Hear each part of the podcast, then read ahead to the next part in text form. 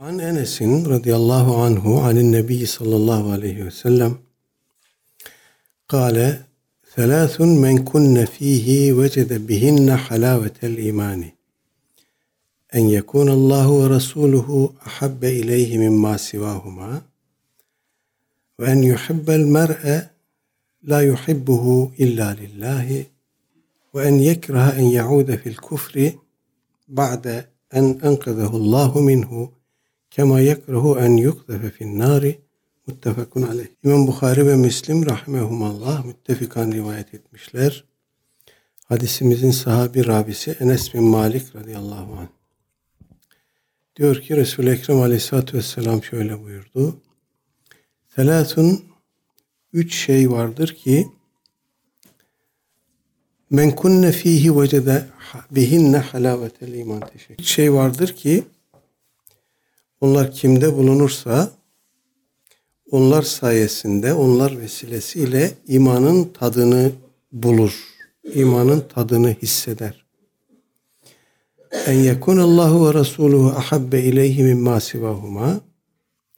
Bunlardan birincisi Allah ve Resulünün Allah ve Resulü dışındaki her şeyden daha sevimli, daha sevgili olması. Kişi için Allah ve Resulü Allah ve Resulü dışındaki her şeyden daha sevgili olacak. İkincisi ve en yuhibbel mer'e la yuhibbuhu illa lillahi. Bir kimseyi sadece Allah için sevecek. Allah rızası için olması dışında başka bir etken, başka bir unsur olmayacak. Sadece Allah için sevecek. Üçüncüsü ve en yekrah en yaude fil kufri ba'de en enkadehullahu minhu. Allah Teala kendisini küfürden kurtardıktan sonra bir kimsenin küfre dönmeyi kerih görmesi, çirkin bulması, istememesi. Kema yekrahu en yukdefe finnar. Ateşe atılmayı nasıl istemezse kişi küfre dönmeyi, küfre düşmeyi de o şekilde istemeyecek. Ondan o ölçüde nefret edecek. Çok duyduğumuz bir hadis-i şerif. Ee, ama böyle çok duyduğumuz şeyler konusunda bu bir kısım ayetler konusunda da olur. Çok zikredilir, aklımıza gelir. Ona böyle bir e, yüzeysel anlam vermişizdir zaman içinde. Tamam o anlama gelir der geçeriz. Dikkatimiz dağılır. Bu hadis-i şerif de onlardandır. Aslında daha yakından bakmak gerekir. Daha yakından baktığımızda da hadis-i şerifteki e, muazzam incelikleri görürüz. Ancak yakından bakmakla görürüz. Birinci unsur bu söz konusu olan üç şey bir kimsede bulunursa o kimse imanın tadını hisseder. Demek ki imanın bir tadı var. Ve mümin bu üç unsura e, ulaşması e, durumunda ancak imanın tadını alabilecek. İmanın tadını hissedebilecek. Nasıl bir şeydir o? İmanın tadını hissetmek ya da imanın tadı nasıl bir şeydir? Ee, burada maddi hissi bir lezzetten, bir hazdan, bir huzurdan da bahsedebiliriz. Daha ruhi, daha kalbi bir kemalden, bir itminandan da bahsedebiliriz. Her ikisi de mümkündür yani. Ee, mümin olduğu için, daha doğrusu mümin olmasını nasip ettiği için Cenab-ı Hakk'a şükretmek, hamd etmek, hamdlerin başında geliyor. Ee, dolayısıyla başta bu büyük nimet olmak üzere Cenab-ı Hakk'ın bize bahşettiği şeylerden dolayı bir huzur, bir sekinet, bir itminan hissetmek ve bunları kaybetmemeye azami gayret sarf etmek. Kişi haz aldığı bir şeyi devamlı yapmak ister. Bir şeyden tad almışsa o ne kadar e, devamlı olursa o kadar hoşlanır kişi. İşte iman da böyledir. İşlendikçe işlendikçe kişi e, iman üzere bulunmuş olmanın lezzetini, tadını daha çok hisseder ve ona daha çok bağlanır. Efendim ve onun ulemanın tabiriyle etine, kanına, genine, hücrelerine siner iman. İşte böyle bir kıvama ulaşabilmek için e, üç şey zikretmiş aleyhissalatü vesselam Efendimiz. Allah Teala'yı ve Resul-i Ekrem aleyhissalatü vesselam'ı öyle bir seveceğiz ki o ikisinin sevgisi onların dışındaki her şeyin sevgisinden daha baskın olacak.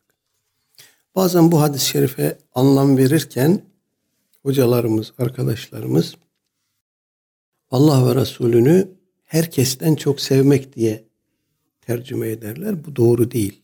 Herkes değil. Burada Arapça bir incelik var. En yekun Allah ve Resuluhu ahabbe ileyhi mimmen sivahuma olsaydı doğru olurdu bu. Mimmen canlılar için kullanılan men e, edatı canlılar için kullanılır. İnsan için kullanılır daha doğrusu. Ee, öyle olsaydı öyle diyecektik. Allah ve Resulünün sevgisi herkesten daha fazla. Ama burada mimma gelmiş. Yani her şeyden daha fazla. Sadece e, insanlar üzerinde değil, eşya üzerinde, meta üzerinde, dünya üzerinde de olabilir. Dünya ve dünyalık üzerinde de olabilir. Dolayısıyla Allah Teala'yı ve Resul-i Ekrem Aleyhisselatü Vesselam'ı onlar dışındaki her varlıktan diyelim biz daha umum olsun, şumullü olsun ifade. Her varlıktan daha çok sevmek. İnsanız farklı sevgilere, farklı şeylere, varlıklara meyledebiliyoruz. Onları sevebiliyoruz. Bunu e, fıtri bir şey olarak görmemiz gerekir. Allah Teala insanın kalbine güzel şeyleri sevme hissi vermiş. Bu fıtri bir durum. E, bu sevgileri inkar etmiyor İslam. Ama Allah ve Resulüne karşı duyulan muhabbetin üstüne ya da seviyesine çıkarmamak gerekiyor bunları. Kişi şanı şöhreti sevebilir. Ee, zenginliği sevebilir, parayı sevebilir. Kendi fiziksel özelliklerini sevebilir. ben öyle insan tanıdım ki kendisini o kadar beğeniyor ki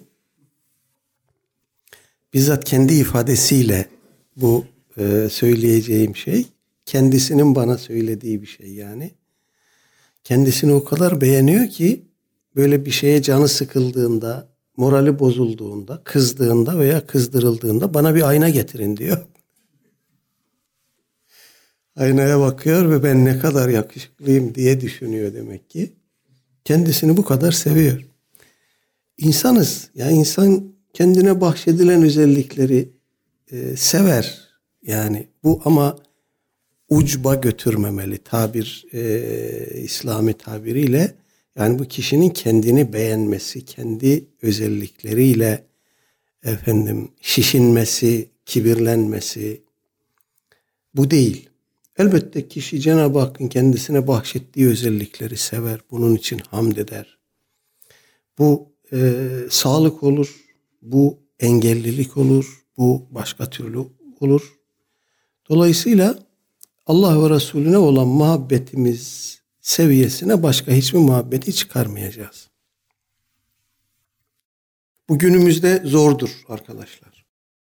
Yani insanın fizik özellikleriyle, dış görünüşüyle toplumda kendisine bir yer edindiği, edinmek zorunda bırakıldığı modern dünyada bu zor bir şey. Ee, ama işte bir zorluğu olacak ki imtihanın da bir anlamı olsun. Evet Cenab-ı Hakk'ın bize bahşettiği hiçbir şeyi onun ve Resulünün sevgisi seviyesine, muhabbeti seviyesine çıkarmayacağız. Birincisi bu. Ee, burada Allah Teala'yı sevmek e, Resul-i Ekrem'i bir insan olarak, bir maddi varlığı olan, fizik varlığı olan bir e, insan olarak sevmeyi anlayabiliyoruz. E, her ne kadar onun yaşadığı çağda yaşayamadık, onun gittiği yerlerde onunla beraber bulunamadık, onun sohbetinde e, bulunma şerefine nail olamadık. Onun beden dilini bilmiyoruz. Onun kelimeleri nasıl kullandığı, nasıl tonladığını bilmiyoruz. O fizik özellikleri ancak sahabe-i kirama mahsus idi. Onlar gözlediler onu. Efendim ama bir insan olarak e, onu sevmeyi anlayabiliyoruz. Allah Teala'yı sevmeyi e, biraz yakından mercek altına almak gerekiyor. Allah'ı sevmek nasıl olur? Bunun ölçüsünü de yine Cenab-ı Hak bize vermiş. Ee, Ali İmran suresinde Kul in kuntum tuhibbunallaha fettebi'uni yuhbibkumullahu ve yaghfir lekum zunubekum ila ahir. Ey Resulüm de ki eğer Allah'ı seviyorsanız Allah'ı sevdiğinizi iddia ediyorsanız bana ittiba edin ki Allah da sizi sevsin ve günahlarınızı bağışlasın. O zaman bu şaşmaz ölçüdür. Ben Allah'ı seviyorum iddiasındaki kimsenin Efendimiz'e e, ittiba etmesi gerekir. Daha önce fark et, e, ittiba ile itaat arasındaki farka dikkat çekmiştik. Efendimiz Aleyhisselatü Vesselam'a gönüllü bir bağlanış, gönüllü bir tabi oluş, ardından gidiş. Dolayısıyla bu olursa eğer Allah Teala'ya olan muhabbetimiz sahici bir e, anlam kazanır. Allah Teala'ya Allah Teala'nın da bize olan muhabbetini getirir bu. Allah Teala'yı sevmeden onun muhabbetine talip olmak anlamsız olur. Dolayısıyla Efendimiz Aleyhisselatü Vesselam'a itaate çıkıyor bu yolun sonu. Ona itaat edeceğiz ki Allah Teala'yı sevdiğimiz iddiası boşa düşmesin. Evet bu bizi muazzam bir muhataralı bir mevzunun önüne getirip bırakıyor. Efendimiz Aleyhisselatü Vesselam'a itaat edeceğiz. Hevasını benim getirdiklerime tabi kılmayan iman etmiş olmaz buyuruyor Efendimiz. Aleyhisselatü Vesselam. Buradaki heva ne demek? Buradaki heva tercihler demek. Yani dünyevi ya da dini herhangi bir meselede ben şöyle düşünüyorum tarzı cümleler kuruyoruz. Böyle cümleleri sıklıkla kuruyoruz. Bu cümleler e, Allah Resulü Aleyhisselatü Vesselam'ın getirdiklerine uygun düşerse problem yok. Aykırı düşerse problem var. Orada da e, modern dünyanın modern şeytanları devreye giriyor. Bize bir peygamber imajı çiziyorlar, bir peygamber fotoğrafı çiziyorlar. O peygamber hiç etliye sütliye karışmıyor. Efendim e, sürekli affediyor. Çok merhametli. Ev içinde kendi işlerini kendisi yapıyor. Yamasını söküğünü kendisi dikiyor. Keçisini koyununu kendisi sağıyor. Kimseye kaşlarını çatmıyor. Ne güzel. Böyle bir fotoğraf çiziyorlar bize ama kaynaklara baktığımızda böyle bir fotoğraf e, da ısrar etmek, bu fotoğrafı görmekte ısrar etmek ciddi bir arıza oluşturuyor. Aleyhisselatü Vesselam Efendimiz'e Cenab-ı Hak huluk-i azim nasip etmiş. Yani inneke le ala hulukin azim bu. Sen azametli bir ahlak üzeresin. Azamet kelimesiyle ahlak kelimesini yan yana zihnimizde getiremeyebiliriz ilk anda. Bu nedir, nasıl bir şeydir? Azim bir ahlak üzeresin. Bunu asr-ı saadette yaşanmış bir hadise üzerinden örneklendirebiliriz. Bir e, müşrik vardı. Kendisi e, şair efendim orada burada Aleyhisselatü Vesselam Efendimiz'i hicvediyor. Ona kendince bir kısım noksanlıklar atfediyor. Ee, insanları güldürüyor. Onun üzerinden de hayatını kazanıyor. Para topluyor. Sahabe-i kiram bu adamı bir gün yakalayıp getiriyorlar Efendimiz'e. Ey Allah'ın Resulü bu adam böyle böyle yapıyordu. Yakaladık getirdik. Adam bakıyor ki pabuç pahalı. Ağlamaya başlıyor. Ya ben ettim sen etme. Sen büyük bir insansın. Bir rahmet peygamberisin. Efendim ben bir hata yaptım. Beni bağışla. Peki buyuruyor Efendimiz. Bir daha yapma. Bırakın gitsin. Bırakıyorlar. Adam gidiyor. Aynı işe gene devam ediyor. İkinci bir sefer tekrar yakalayıp getiriyorlar. Aynı numaraya tekrar yatmaya çalışıyor. Benim işte çoluk çocuğum var. Ben hayatımı böyle kazanıyorum. Başka bir iş yapamıyorum. Ben bunu yapmazsam aç kalırım. Efendimiz buyuruyor ki götürün boynunu vurun. Götürüp boynunu vuruyorlar. Bu davranışlardan birincisi huluku kerimdir. Kerim ahlaktır. Affeder, tolerans gösterir, tolere eder, merhamet eder. İkincisi huluku azimdir. Orada artık e, o duruşu göstermek gerekiyor. Efendimiz Aleyhisselatü Vesselam işte o huluk azim üzere Cenab-ı Hakk'ın bize tarifi böyle. Dolayısıyla orada bir izzet var. Aleyhisselatü Vesselam Efendimizin e, hukukunu korumak zorunda olan bizler için de o izzeti yaşamak ve yaşatmak önemlidir. Biz Efendimiz Aleyhisselatü Vesselam'ı tanımak için e, çok kitaplar okumak, çok mürekkepler yalamak vesaire falan e, gibi bir e, müşkilata katlanmak zorunda değiliz. Ulemamıza Allah rahmet eylesin. Onu bize fizik özellikleriyle, ahlak özellikleriyle, davranış, tutum özellikleriyle olduğu gibi nakletmişler. Biz onu görmedik ama görmüş gibi gözümüzde canlandırabiliyoruz.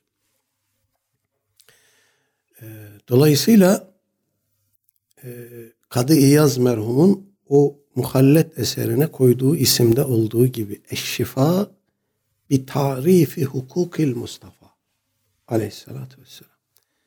Kadı İyaz rahmetli diyor ki ben bu kitabı şifa olsun diye yazdım ama bu nasıl bir şifa? Efendimiz Aleyhisselatü Vesselam'ın hukukunu tarif edeceğim size. Eğer o hukuka riayet ederseniz işte o size şifa olur. Onun bir hukuku var ve o hukuku muhafaza ve müdafaa etmekle bizler mükellefiz.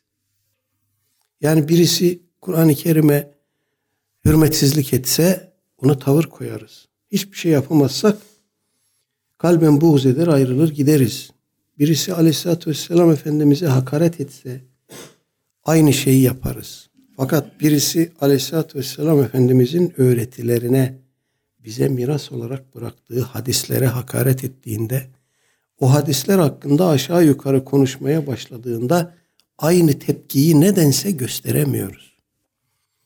Orada dediğim gibi modern şeytanların zihnimizde oluşturduğu bir boşluk var.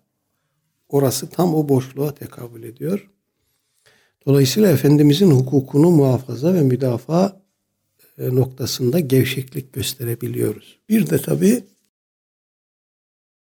özellikle Şia'nın bu bağlamda gündeme getirdiği ve sürekli gündemde tuttuğu bir takım şeyler var. Hazreti Ayşe annemiz başta olmak üzere sahabe-i kiramla ilgili akla hayale gelmez e, uydurmalar, akla hayale gelmez tezviratlar Şia'nın kitaplarında gırla gidiyor. Bunları da dikkatte tutup efendim bunlar konusunda da Aleyhisselatü Vesselam Efendimizin hukukunu muhafaza etmek zorundayız.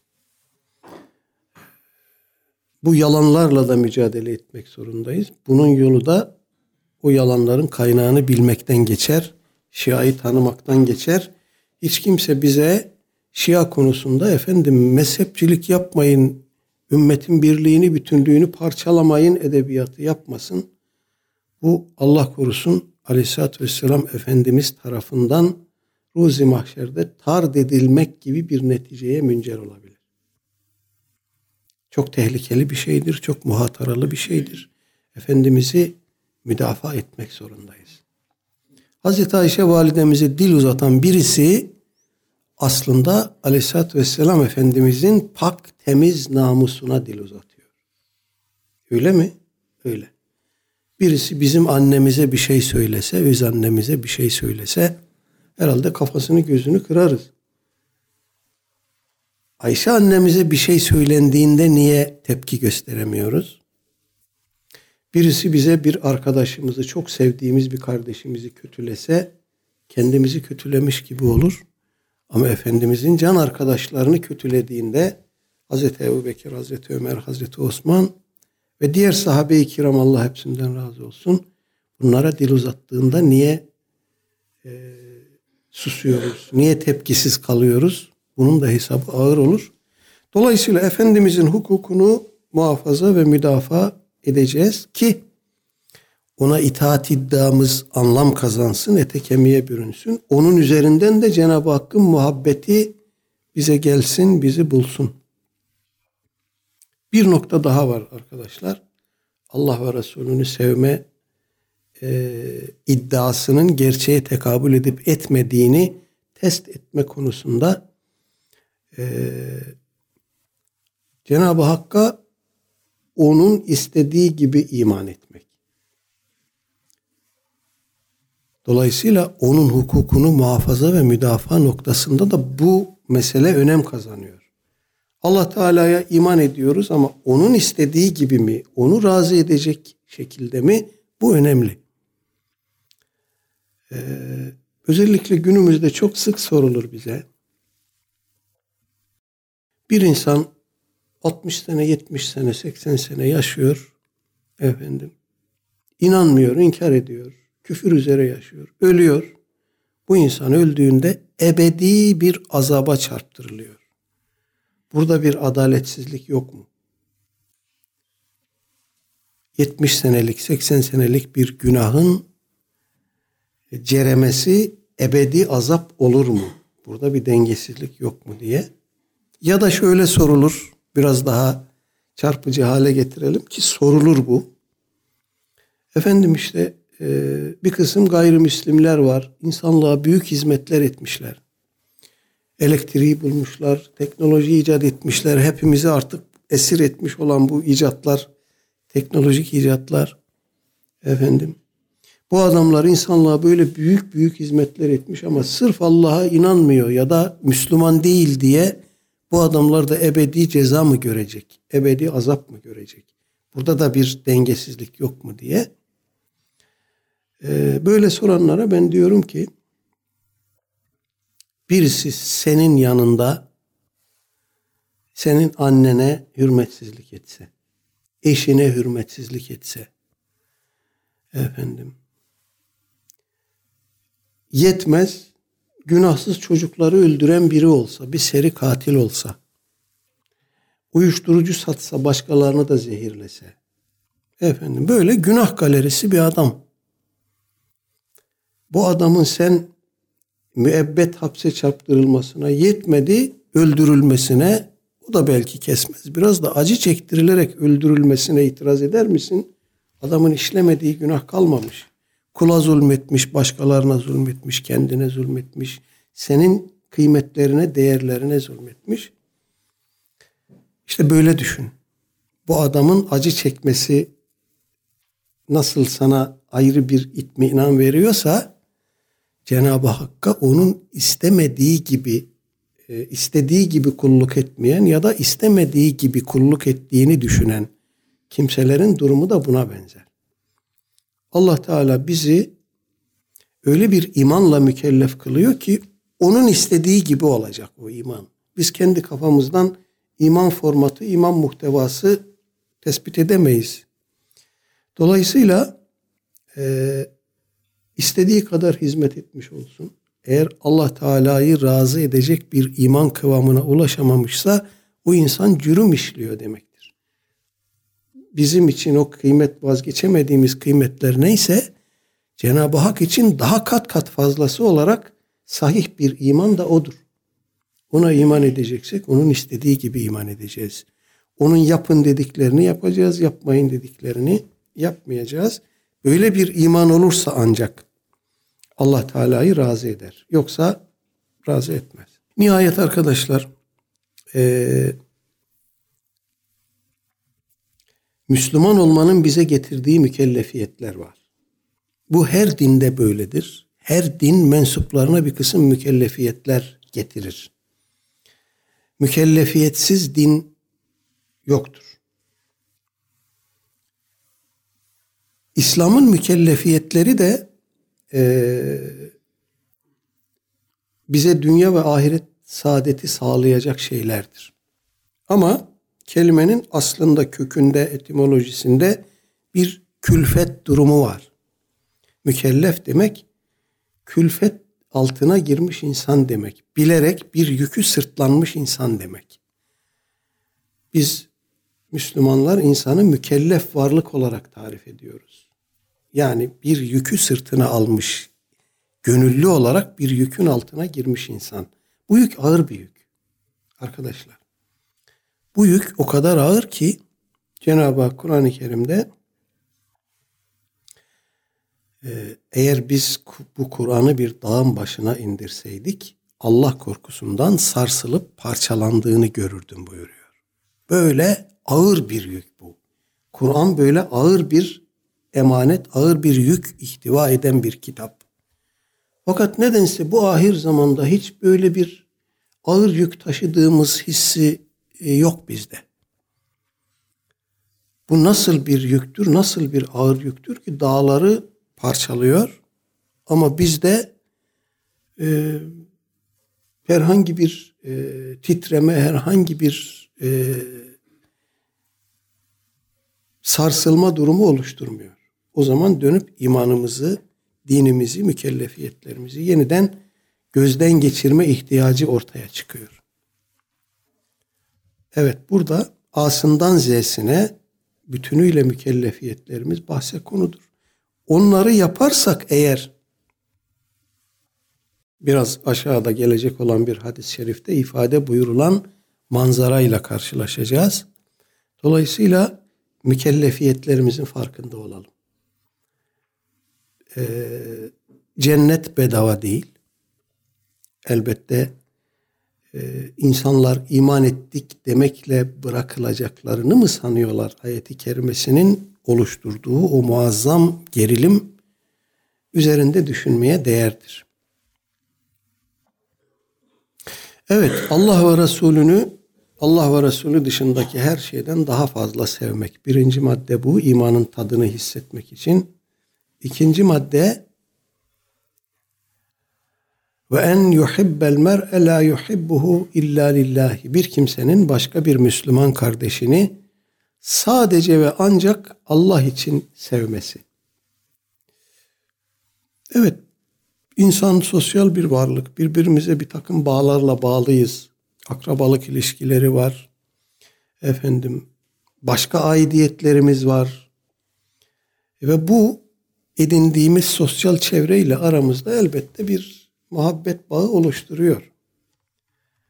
Ama bir kimsenin sevdiği birini sadece Allah için sevmesi bütün bunların dışında ve üstünde bir şey. Ee,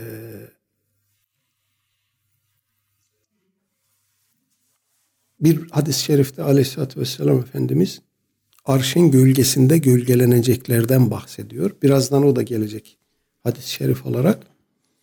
İşte bu birbirini Allah için sevmenin orada bir açılımını görüyoruz. Efendim Allah için bir araya gelmek, Allah'ın muhabbeti, muhabbetullah üzere bir araya gelmek ve muhabbetullah üzere ayrılmak.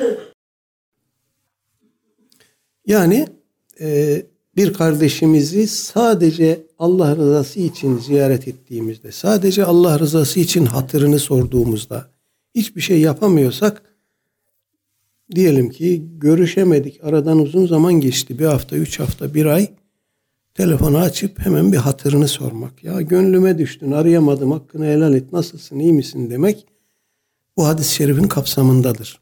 Allah için bunu yaptıksa, tamam. E, burada da bir incelik var. Allah için bir araya gelmeyi anlayabiliyoruz da Allah için ayrılmak nedir? Allah için bir araya gelmek, ayrılırken de Allah için ayrılmak. Aynı muhabbet üzere ayrılmak. Ee, onun altında yatan bir gizli e, anlam var. Allahu alem o da şu. Bir araya geldik, insanız, beşeriz, oturduk, muhabbet ettik. Kardeşimiz bize canımızı sıkacak bir şey söyledi. Bir cümle kurdu. Belki iradi, belki gayri iradi. Bir cümle kurdu. O cümle aklımıza takıldı. Onu bir yere yazmaktansa silelim. Duymamış gibi yapalım. Ayrılırken, birleşirken ki halet ruhiye üzere ayrılalım. Kalbimizde kardeşimize karşı bir ama, bir fakat, bir e, çetele kalmasın bir davranışından hoşlanmayabiliriz. Bir sözü dediğim gibi iradi ya da gayri iradi bize dokunabilir. Başka türlü bir şey olur. Ayrılırken, birleşirken ki o haleti ruhiyeyi muhafaza ederek birleşmek. Evet işte bu önemli. Ve nihayet son maddemiz ve en yekraha en yaude fil kufri ba'de en enkadahu Allahu minhu. Allah Teala kendisini kurtardıktan sonra kişinin küfre dönmekten ikrah etmesi. iğrenmesi yani. Kema yekraha kema yekrahu en yukdefe finnar öyle bir tiksinme ki ateşe atılmak gibi. Kişi nasıl ateşe atılmak istemez? Seni ateşe atayım mı dendiğinde bir titrer. İşte küfre dönmeyi de böyle karşılaması kişinin. Arkadaşlar burada da e, gene biraz yüzeysel bakmanın getirdiği bir yalapşap anlayış bizi bekliyor olabilir. Gene burada buraya da biraz yakından bakmamızda fayda var. Elbette hiçbirimiz küfre dönmeyi sevmeyiz.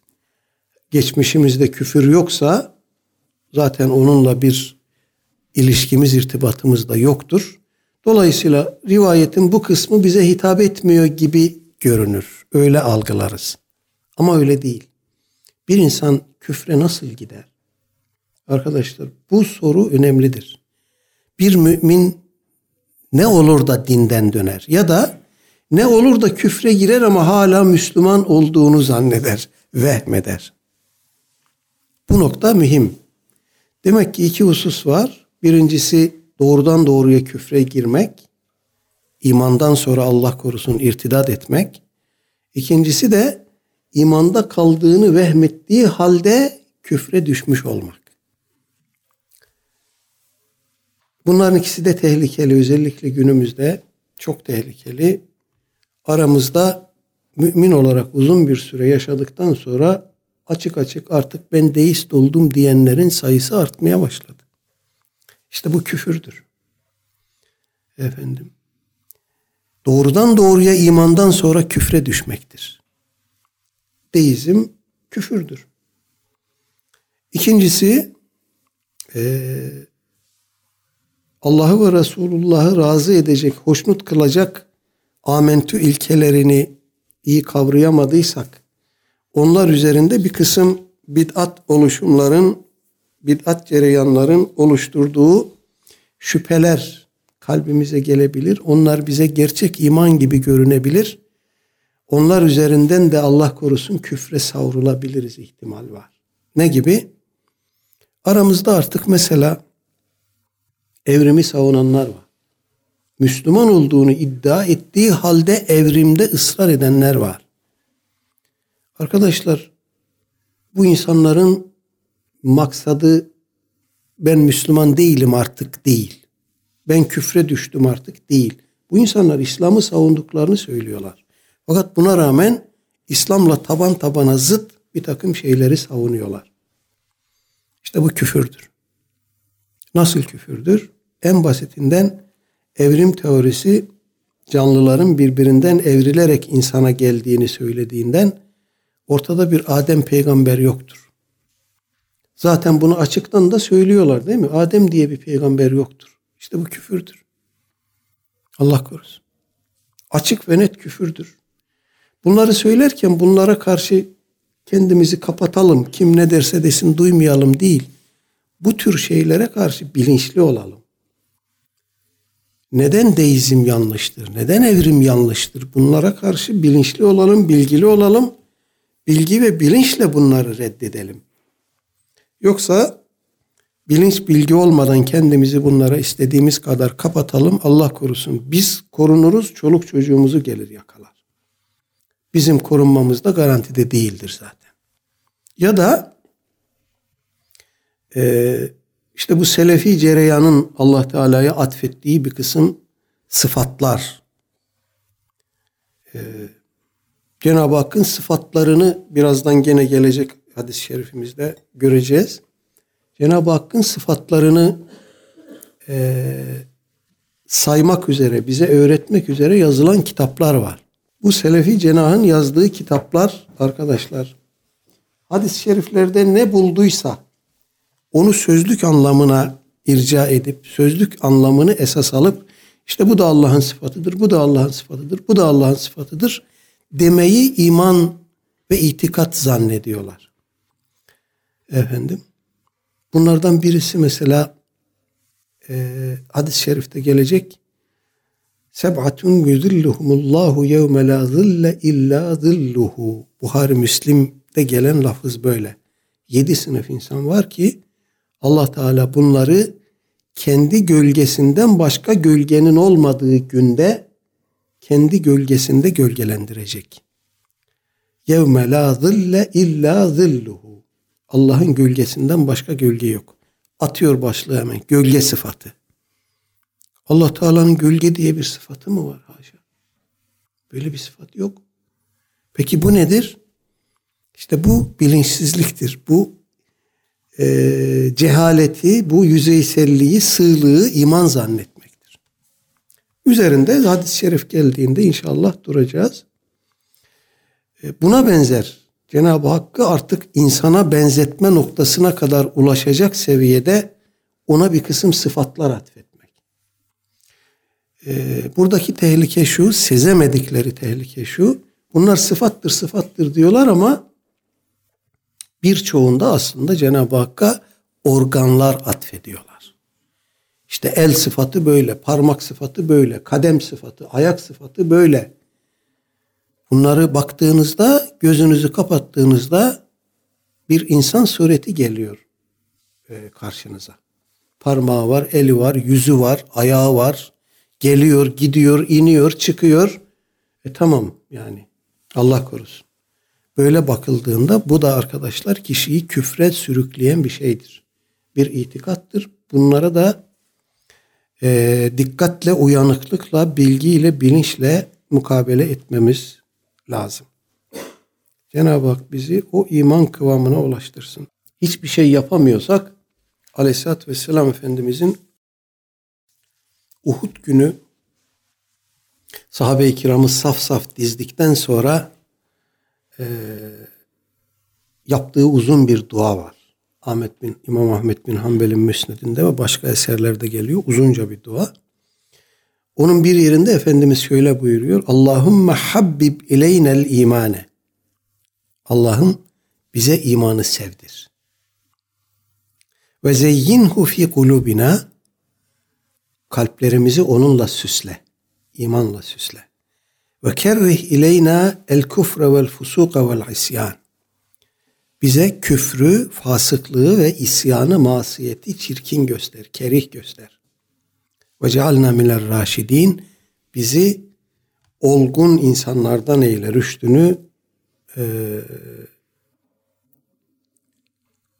rüştüne ulaşan, rüştünü duyumsayan, hisseden insanlardan eyle diye uzunca bir dua. Hiçbir şey yapamıyorsak bu duayı edelim. Namazlarımızda bir iki cümlelik bir şeydir zaten. Allahümme habbib ileynel imane ve zeyyinhu fi kulubina ve kerrih ileynel kufre vel fusuka vel isyan ve cealna minel raşidin. Biz de amin diyerek diğer hadis-i şerifimize geçelim. 377 numaralı hadis. An Ebi Hureyre radıyallahu anhu anin Nebi sallallahu aleyhi ve sellem kal Seb'atun yudilluhumullahu fi zillihi yevme la zille illa zilluh. İmamun adilun ve şabun neşe'e fi ibadetillahi azze ve cel. Ve raculun kalbuhu muallakun bil mesacid. Ve raculani tehabba fillahi istema'a aleyhi ve teferraka aleyhi. Ve raculun da'athu imra'atun inni ahafullâhe ve raculun tasaddaka bi sadakatin fe ahfaha hatta la ta'leme şimaluhu ma tunfiku yeminuhu ve raculun zekerallaha haliyen fefadet aynahu muttefakun aleyh. Evet gene İmam Bukhari ve Müslim'in rahimehumallah rivayet ettiği gene çok sık duyduğumuz bir hadis az önce de bahsi geçti. Sahabi ravimiz Ebu Hureyre radıyallahu anh aleyhissalatü vesselam Efendimiz buyurmuş ki Sebatun yedi kişi vardır ki yudilluhumullahu fi zillihi yevme la zille illa zilluh. Allah onları kendi gölgesinden başka bir gölgenin olmadığı günde gölgelendirir. Gölgesinde gölgelendirecek. İmamun adilun, adil devlet başkanı, adaletli yönetici ve şabun neşe'e fi ibadetillahi azze ve cel bir genç ki Allah'a kulluk sevinci ve neşesiyle yetişmiş. Ve raculun kalbuhu muallakun bil mesacid bir adam ki kalbi mescitlerde, gönlü aklı mescitlerde. Ve raculani tehabba fillahi istema aleyhi ve teferraka aleyhi iki kişi ki birbirlerini Allah için seviyorlar. Bir araya bu muhabbet üzere geliyorlar ve dağılırken de bu muhabbet üzere ayrılıyorlar birbirlerinden. Ve raculun da'at humratun zatu mansibin ve cemal fekal bir adam ki e, güzel ve e, ne diyelim zatu mansibin yetki sahibi efendim e, statü sahibi bir kadın kendisini zinaya davet ettiğinde inni ahafullâhe ben Allah'tan korkarım der. Ve gene bir adam ki tasaddaka bi sadakatin. Öyle sadaka verir ki fe ahfaha onu gizler. Gizli sadaka verir. Hatta la ta'leme şimaluhu ma tunfiku yeminuhu sağ elinin ne verdiğini sol eli bilmez. Ve gene bir adam ki zekerallâhe haliyen Allah Teala'yı yalnızken, kimse yokken Allah Teala'yı zikreder. Fefadat aynahu gözleri yaşarır. Bundan gözleri yaşarır. Evet. Bu e, hadis-i şerif üzerinde çok detaylı durmuş şarihlerimiz. Biz de vaktimiz el verdiğince duralım. Başta şunu belirteyim. Bu e, Allah Teala'nın gölgelendireceği bu kimseler burada sayılan yedi kişiye münhasır değildir. Allah e, Efendimiz Aleyhisselatü Vesselam Cenab-ı Hakk'ın gölgelendireceği bu kimselerin içinde bu yedi kişiyi saymış.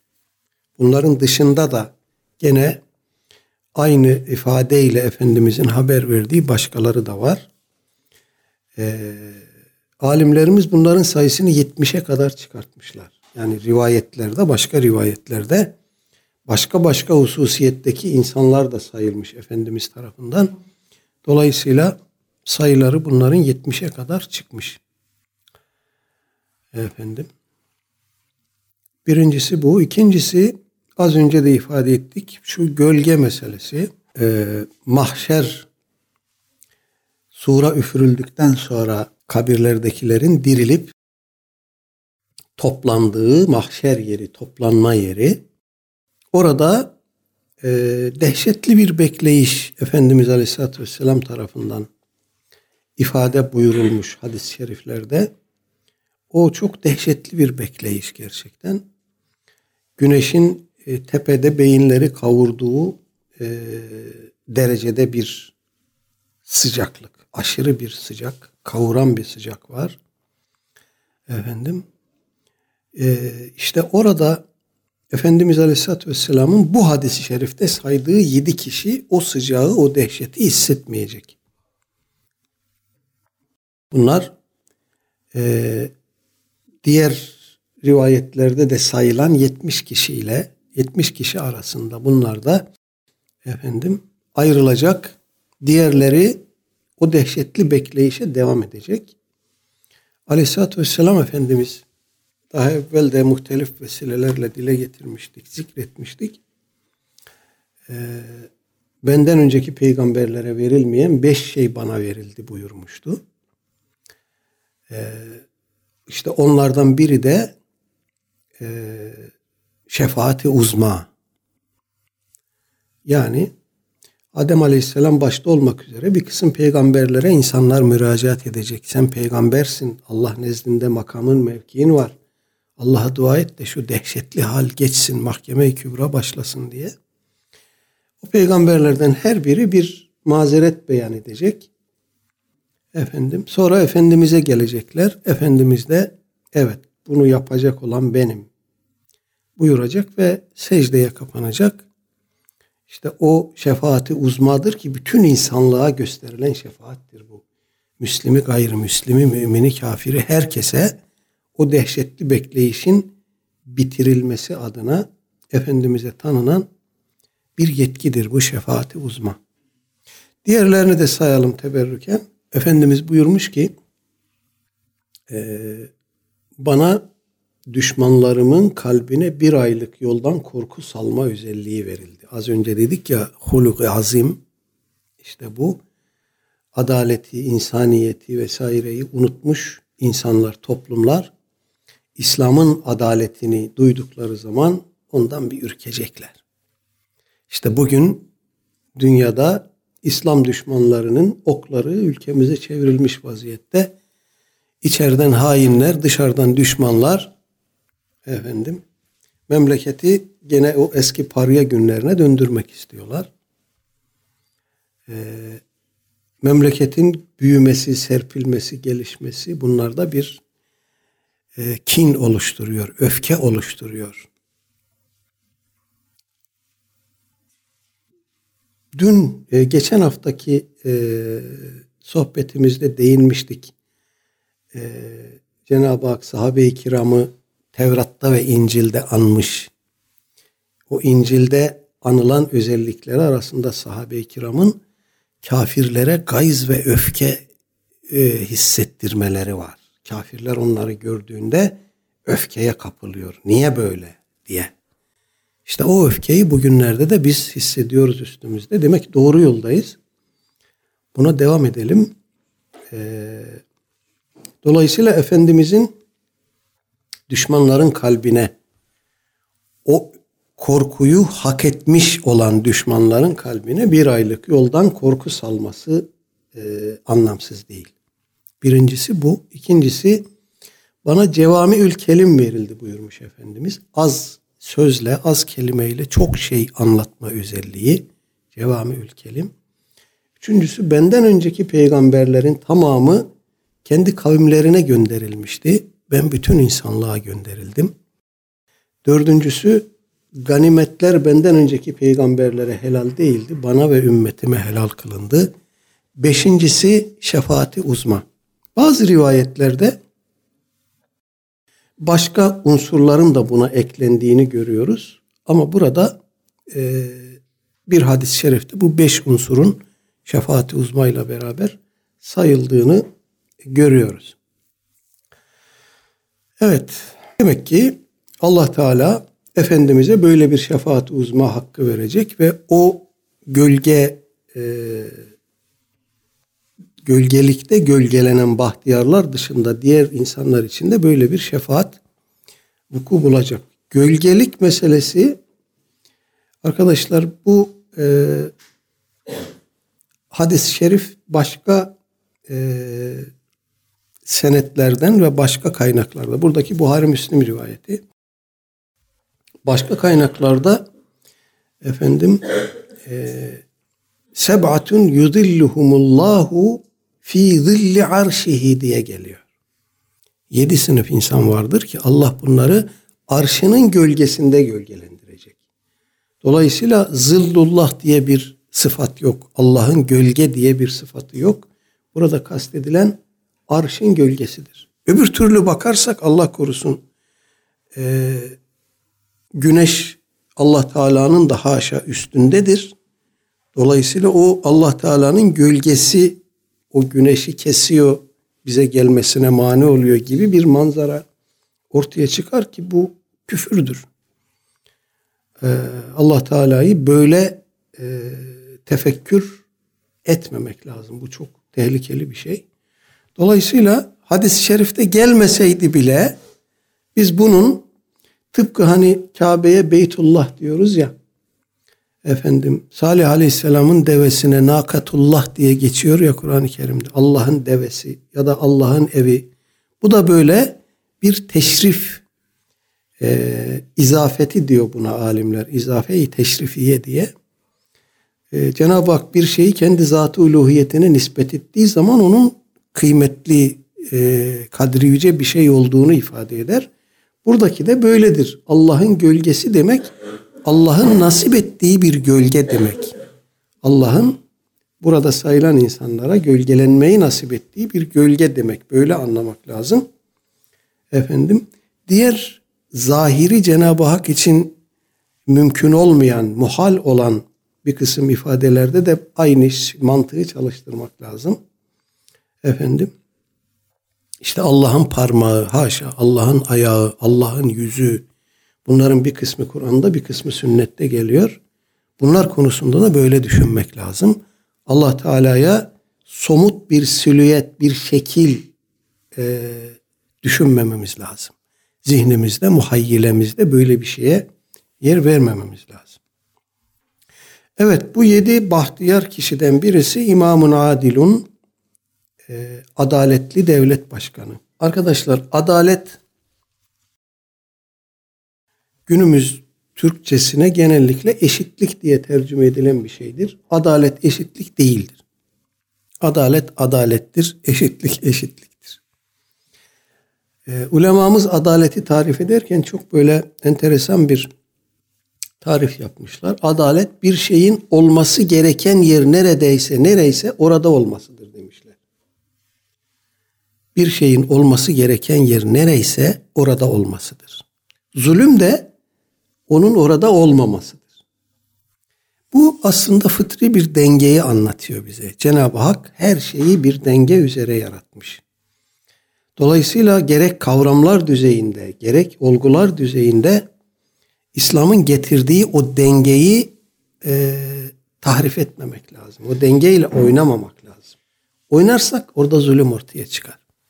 Daha önce bunu başka vesilelerle anlatmıştık. Bugünlerde yine gözümüze gözümüze sokulan kadın erkek eşitliği meselesi de böyle. Arkadaşlar. Allah Teala nasıl kadınla erkeği fıtraten eşit yaratmamış? Fıtratları farklı. Dolayısıyla kadınla erkeğin mükellefiyetleri de farklı. Kadın ve erkeğin dini konumları da farklı. Burada Allah erkekleri üstün kılmış vur tepesine gibi bir mantık yok. Böyle bakarsak yanlış bakarız. Adalet erkeğin erkek misyonuyla, sorumluluğuyla donatılması, kadının kadın misyonu ve sorumluluğuyla muhatap kılınmasını gerektirir. Kadını ya da erkeği bu misyondan aldığınız zaman orada zulüm ortaya. Ya kadına zulmediyorsunuz, ya erkeğe zulmediyorsunuz, ya topluma, aileye zulmediyorsunuz, ya kendinize zulmediyorsunuz. Dolayısıyla bu dengeyle oynamamak lazım. Bunu bir eşitlik meselesi olarak görmek doğru değil.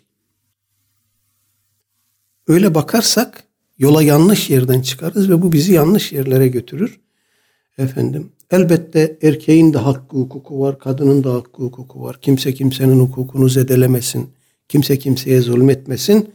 Ama bunu o İslam'ın kendi kavramsal çerçevesi içinde düşünmemiz lazım yabancı kavramlarla, yabancı düşünme kalıpla, düşünce kalıplarıyla bu işe bakarsak bu bizi yanlış yerlere götürür.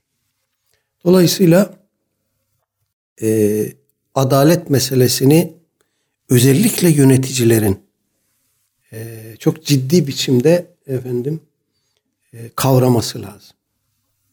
Yöneticilere bu konuda elbette etraflarında bulunması gereken danışmanları, müşavirleri e, bu konuda onları birife etmeli, onları bilgilendirmeli ve yanlış yapmamalarını temin etmelidir. Bu onların sorumluluğudur aynı zamanda. Evet bu bahis uzun gider tabii. Yöneticilerin hakları, görevleri vesaire icmali olarak bunları zikretmiş olalım. Ve şabun neşe'e fi ibadetillahi azze ve cel bir genç ki Allah'a ibadet neşesi ile yetişti. O ibadet huzuru, muhabbeti, bağlılığı içinde yetişti. Burada acaba niye genç özellikle zikredildi? Çünkü gencin kanı deli akıyor. Özellikle günümüzde o çeldiricilerin artık e, evimizin içine kadar girdiği, ceplerimize kadar girdiği, internette, sosyal medyaydı, şuydu buydu. Bu dönemde bir delikanlının kalbi Allah'a kulluk neşvesi içinde yetişmesi çok müstesna bir mazhariyet. Gerçekten öyle. Bunu gence yüklemek ağır bir e, sorumluluğu yüklemek olur. O gencin o hissiyatı e, yaşayabilmesi, duyumsayabilmesi ona bunun bu şuurun verilmesine bağlıdır. Ona bu şuuru vermekle mükellef olanların sorumluluğundan bahsediyoruz yani.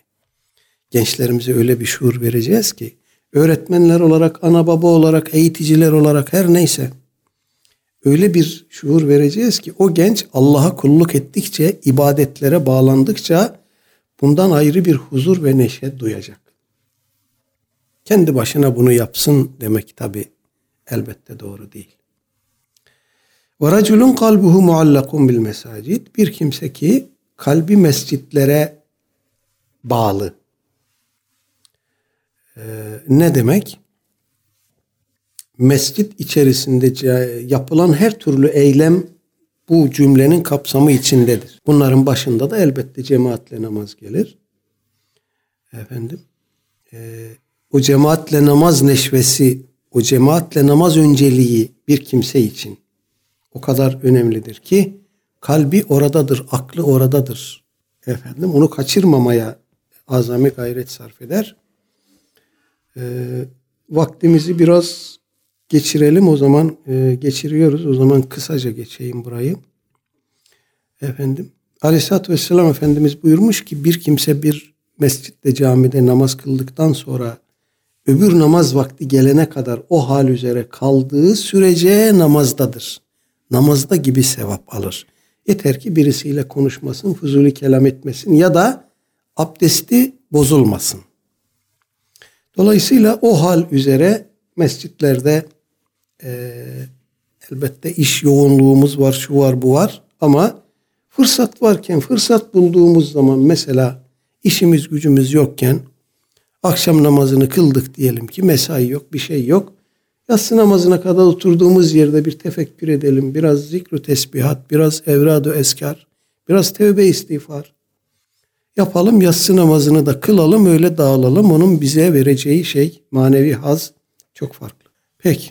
Ve sallallahu ala seyyidina Muhammedin ve ala alihi ve sahbihi ecmain velhamdülillahi rabbil alemin. Selamun aleyküm ve rahmetullah.